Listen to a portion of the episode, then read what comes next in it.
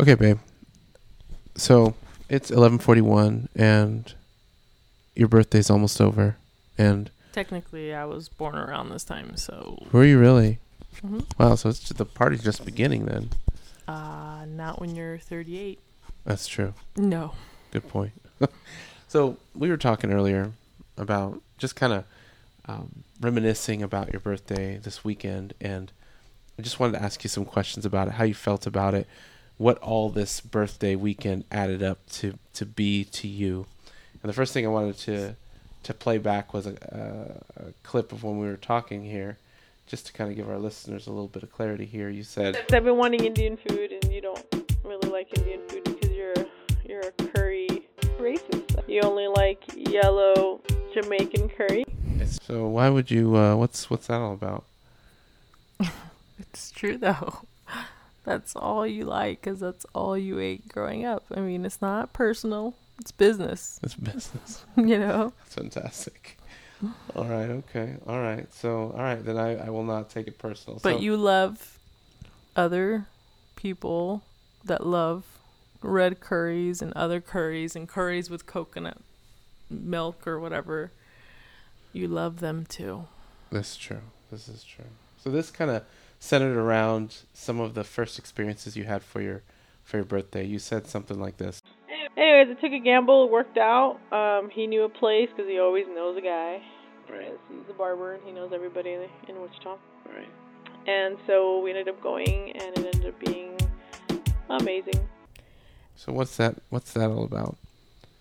Um, so basically, um, we were hanging around with uh, Lewis and Priscilla at their house, and we were trying to discuss what what I wanted to eat or what we should eat, and pretty much Lewis always knows a guy. He always cuts somebody's head that he knows, and he was like, "Hey, I know a guy," and he said that this place was good, and I think he's like, the guy is like a cook there or something, and. Mm-hmm. So we went there. It worked out. It was good. It was delicious. Okay. So What did you end up having? I ended up having the tikka masala with um, chapati, which is kind of like a tortilla, but it's really like a bread, kind of really thin bread, and it's like oily yummies. And man, it was so good. I highly recommend. I, I'm almost betting that you're probably part Indian because you just kind of look. You just need that red dot, and you could Yeah. probably pass. And I mean, don't even care. I just know that the food is amazing and I love it and it was good. So I love Indian people myself. And so they're awesome and I love their saris. And Priyanka Chopra is amazingly beautiful, I think. What is So She, what is that? It's a person. Oh, whoops. It's a woman. She used she is an actress and she's used to be I think it was she was Miss Universe actually. Oh, really? And she was I don't know if she was like the first Indian woman or not to win it or whatever. But she's like gorgeous and I think Indian women are beautiful, so I feel like um, you're beautiful, but I also feel like uh, I feel like this weekend was great because it seems like one of the things you and I both value is family, food, and fanfare. And, ah, and so I, am about to play three clips that you um, when we were talking earlier, and there were three dishes your mom really hooked you up with. This first one is from this clip here. We feasted on my mother's traditional Salvadorian bean soup, which she added little bits of meat and corn and uh, other stuff that's amazing. And then she made escovitch, which is like um, cabbage, vinaigrette, Yeah. Okay. and she uh, made my panes rellenos, which is we call them turkey breads, which is a traditional Salvadorian kind of sub. Mm. Amazing. bomb. One word. How did she do this time with this round? It was good. Oh, I I believe she is the best pan relleno maker. Um, she just puts her foot in it, you know, and it's just amazing. She toasts the stuff, the seeds and stuff, and then she mixes it with the tomatoes for the sauce that she pours over the delicious yummy chicken, and then she stuffs it in a usually it's El Salvadorian French bread, but the lady from the El Salvadorian restaurant ran out, and I was very angry with her. But I didn't show it, and I didn't do anything to her, so she's safe. I'm glad. I'm glad. She's safe. All right. Well, how about this? And then she had plantain with beans and um, crema, which is like sour cream. And it was amazing. Everything was amazing. Again, bomb. Uh, that's just uh, It just seems like there's like comfort food, like like you just know you're home, like yeah. It's so funny because I used to not really like. I mean, I've always liked panes rellenos because we have that during Thanksgiving and Christmas. And bean soup, I hated growing up. It was just gross because we used to have it all the time. and then like plantain was a breakfast item. yeah. plantain with crema and beans.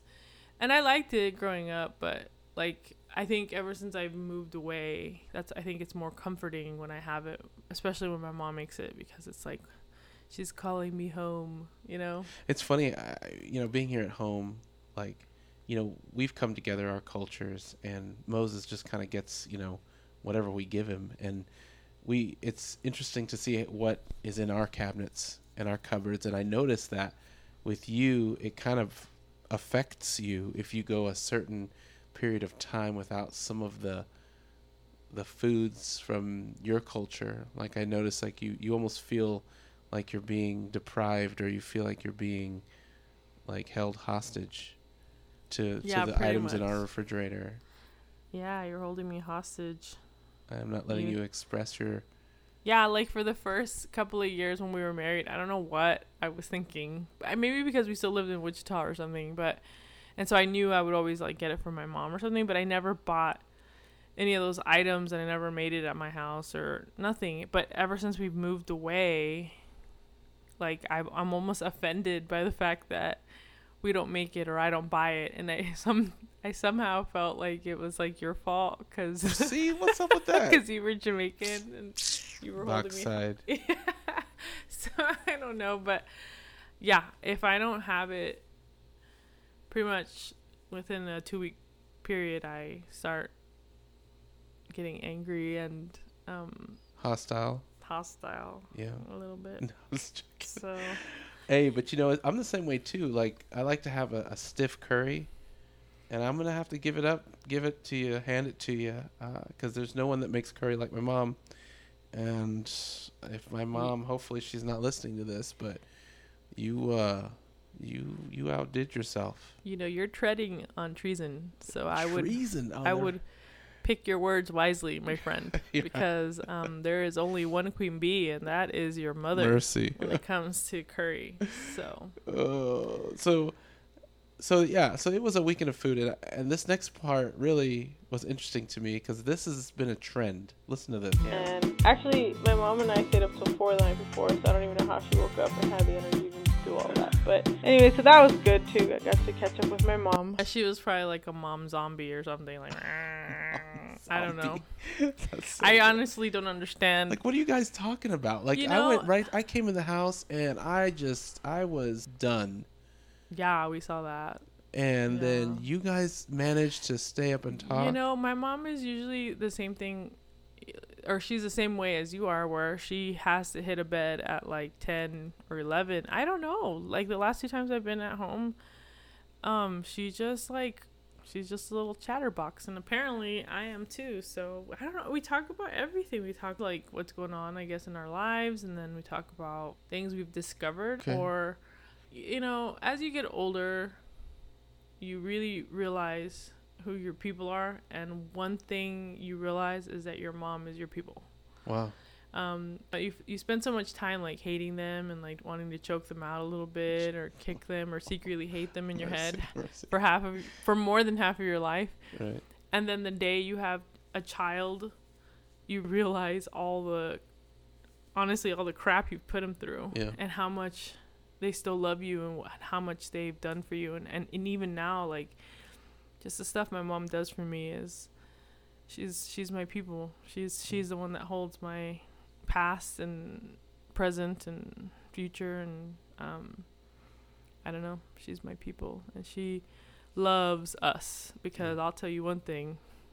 We are not sometimes lovable so um, but she just loves us with everything that she has, and and this is one of the things that we didn't talk about earlier. Uh-huh. One of the best things that I saw this weekend too that really touched me was she's just so cute. Like she has these like little poster boards.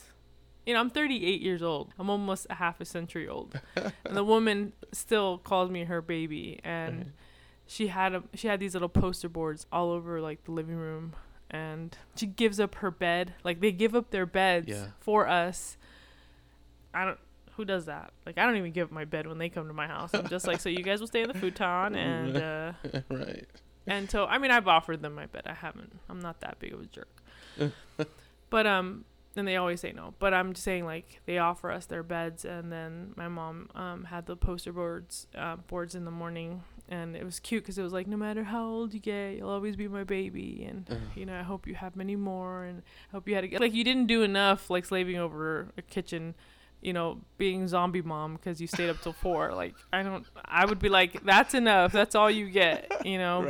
but no, that's not the way my mama is. So. That's cool. I thought it was Shout so out funny. to the mama. right, and in all her aches and pains, you know, I thought that yeah. part was. oh yeah, my mom. My that's I've half of half of it. Half of our conversation was about her falling.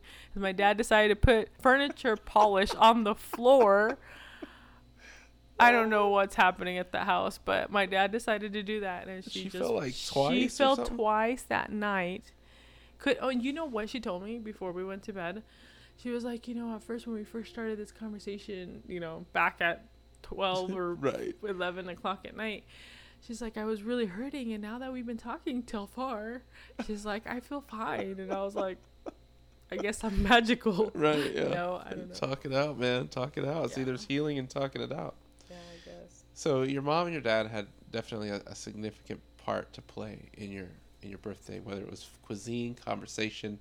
But here is another element we talked about. Lewis, Priscilla.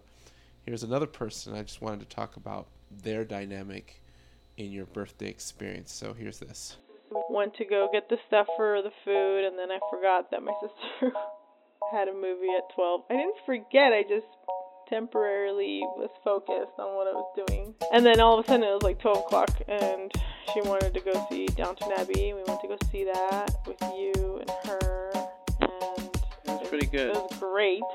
Yeah, my sister is the perfect like older sister. Like she just she just knows like what I like and she just knows like what to do and she just knows like what I need.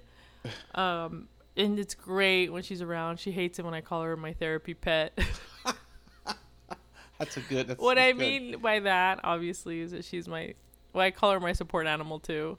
I also call her um she's actually she told me the correct term, but like support person or Right. support something. She doesn't like to be called a therapy dog. No, but I do call a lot of people my therapy dog, which Mercy. I guess is offensive, but I really say it with love. I really do. If it's with love, I think it works. She's better. just like she just takes over and like I'm a you know, I'm I can be a leader, but I'd rather just be led, especially when I you know, especially if it's like your sister that knows what to do. And she'll just come in and take over and I'm just like, yeah, you know, because then I don't have to do anything, but yeah. anyways, she just knows what I like. She's just always taking care of me and it's it's fantastic. It's like your own like concierge or something. That's I don't great. know. She It's made it great. like a three-part series. So her love language obviously is gift giving, Right. And and also spending time. But I like super suck at Super suck. yeah, super suck at gift giving. Like I will give you my time obviously Well, I'll, till four in the morning and i will be there physically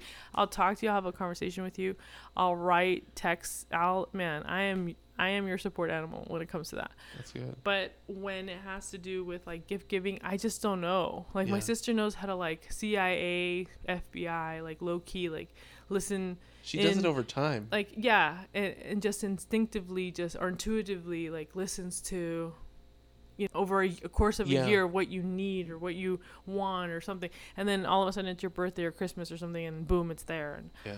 I don't know. I really think that she's a double agent. So uh, we we watched Downton Abbey and we laughed, cried, and those people are family.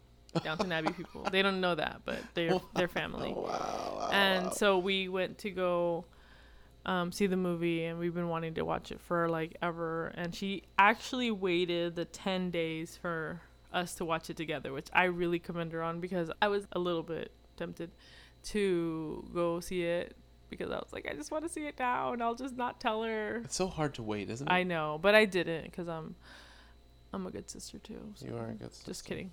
But anyways, and so we waited and we saw it together. All I know is that they had reclined chairs. yeah, soft. this was uh, My stuff was heated. Like I'm Yeah. always cold in in the movie theater. I don't know what they do. It's like I just don't understand if art if it's like in Antarctica or I don't understand what kind of experience they're wanting you to have. But um, the food's good and Right. it's dark and it's comfortable. But then all of a sudden it's super duper cold and Yeah. you're just like you're like waiting for you're counting down till it's over so you can thaw out outside. right. But this time it was I didn't even need a sweater because it was warm seats. I'm glad to hear you say that because I didn't understand the purpose of heated seats, but now I see. I don't know, but all I know is that my back felt better and all they needed was a little vibration for my whole back to get its full treatment. Nice. Yes. Okay. So here's another aspect. Tell me about this aspect. Then we cut my cake. That was amazing. Yeah, Holy that, smokes, that was good. Tell our listeners about that cake. What what is that stuff? What is that cake? What is it made out of? Well, Like- first of all, you know, usually what we do is we get the smallest cake from Walmart right. and usually it's German chocolate for me because I have a chocolate affinity you do. and yeah. This year I decided to change it up and That's really be specific. I I set a goal you did. and I accomplished it and I feel like a winner. you sound like yeah. After a basketball game, like how you like. Yeah, Won the game, yeah. 104 points. Yeah, no, um, it was just really good. It was not not that heavy frosting that is like you can just feel it go through your veins and it's gonna clog and Yeah. die of a heart attack or something. But That's it's true. so good and it's so worth it. Yeah. I mean, those cakes are good too. But this time I decided to go with a little something more fancy Mm. and um, actually order it. Yeah, chantilly uh, icing, and I went actually went to a bakery, and I decided that I would go big or go home. Yeah. You know, And you chose like three fruits. I did. I went even fancier, and I decided to go peach, strawberry, kiwi, um, and it had two layers of like fruit inside. Yeah, yeah. You really let your it hair was down. just yeah, like that I know, I really did, and I just, you know, I don't know why I haven't done this before. Yeah. I don't know why the cake is always just like last minute thing, but Yeah. I think a good cake is something that needs to happen. It's a new tradition or something. I don't Yeah. know. It was Okay. good. That's all It I'm was. telling It was good. We eh, everyone hated it, but you and I. you. I but know. That was great. So, so here was a unexpected part of your birthday experience. Yeah, then we just kind of chilled out. And then Moses learned how to ride a bike. That was insane. Yeah, shout out to Josiah. That was so cool. I love when little things happen, like a good learning moment, um, on like so like a special weekend. Mm, yeah, thing. definitely. And then he got a bike from his his uh, cousin Josiah. So that was really cool. That dude actually taught him how to do it. yeah, he taught him how to do it. and Then he gave him a bike. It's just like a double whammy. You know what I'm saying? Yeah, shout out to that guy. Yeah. Uh, so we're coming down to the end here, and there's a couple of things that really stood out to me that you had said over and over again. You you talk about this blessed thing. You talk about this place you've this realization you've come to in your life right now. Like, tell me about that. it's just one of those things where you just kind of when you're reflecting on something like birthdays or I think anytime you have like a birthday or an anniversary and you really think about the time you've spent for instance the time you've spent here on on earth Mm-hmm. And what what it all what does it all kind of like amount to? Mm, you know what i'm mhm. saying? And in the past i've always had a lot of ups and downs with that. There's been times i haven't thought about it and i've just been in the moment there's times that i've thought about the past. I remember when i was pregnant with moses we actually had my baby shower on my birthday. Mm. and i didn't even care about having a birthday because i was pregnant and ne- the following month i was going to have a baby. And so i knew it was like going to be my last month as a non-mother i was going to say a single person but that wouldn't be right Right, right. No, that was you- good. That was but good. you know what i'm saying like before motherhood and i was like you know by this time next year god willing you know i'm going to be a mom how is that all going to change and shift and so i was looking forward to being a mother and um, you know at 38 you're more comfortable in your skin and you're more Mm. sure of yourself and confident. But I feel like this I never felt like that in all my 30s. I still felt like not on solid foundation. And I think for the first time I'm on firm foundation and and I really feel like it's God with me and through all of this he's been my constant and then my family and really content, which is one of the hardest words I've It ever is.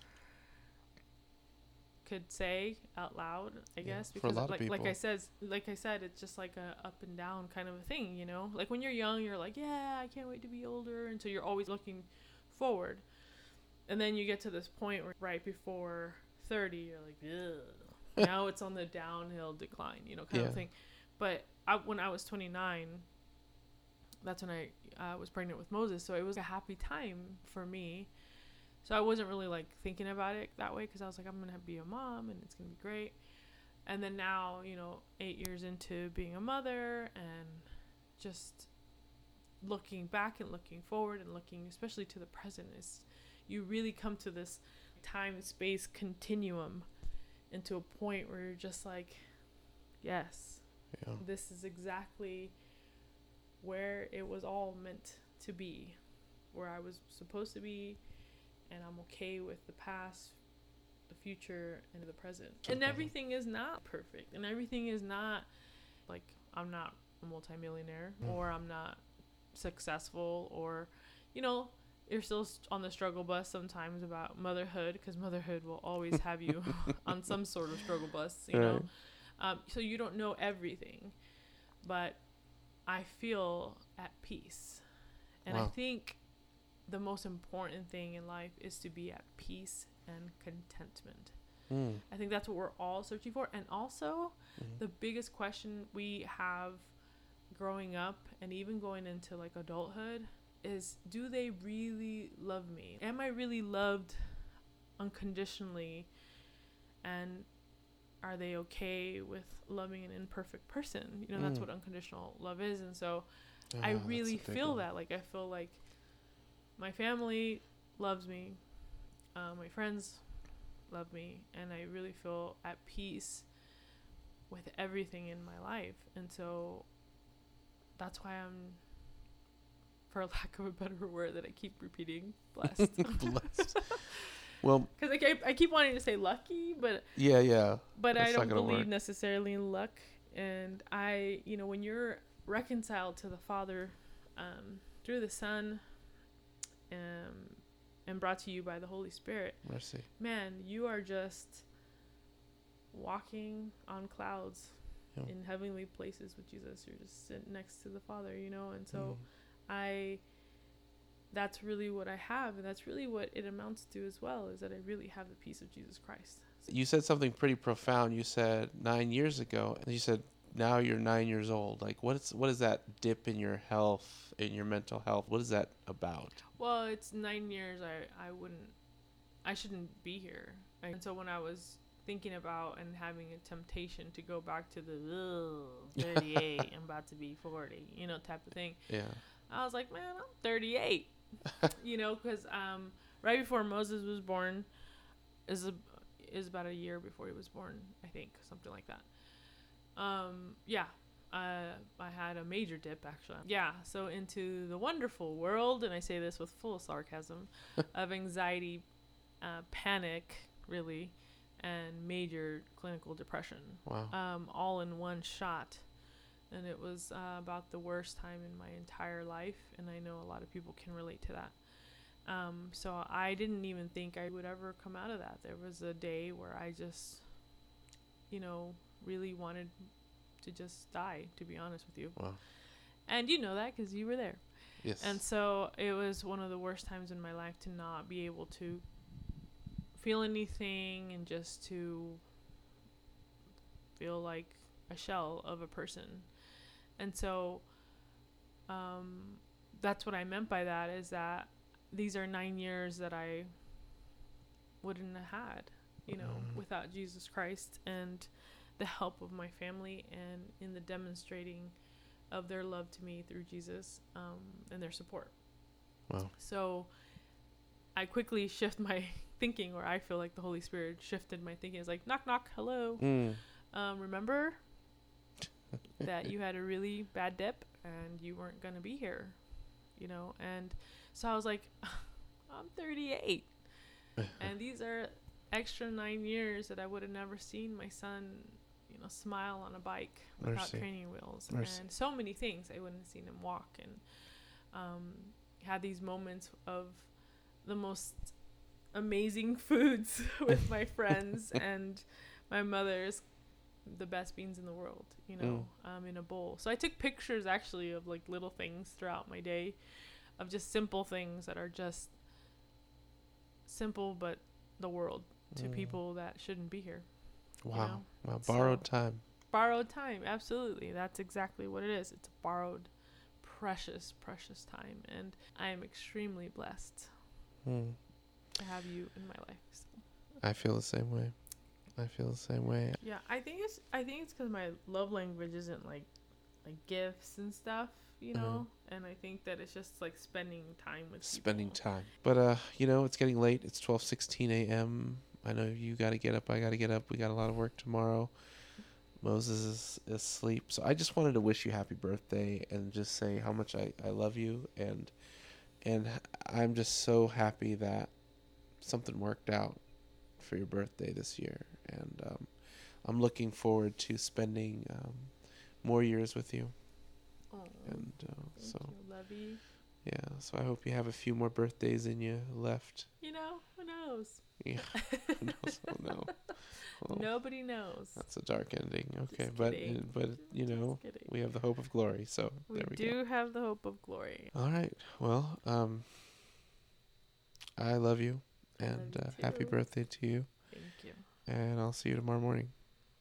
All right. Well, Alfred DaCosta, your host of the L4H podcast, over and out.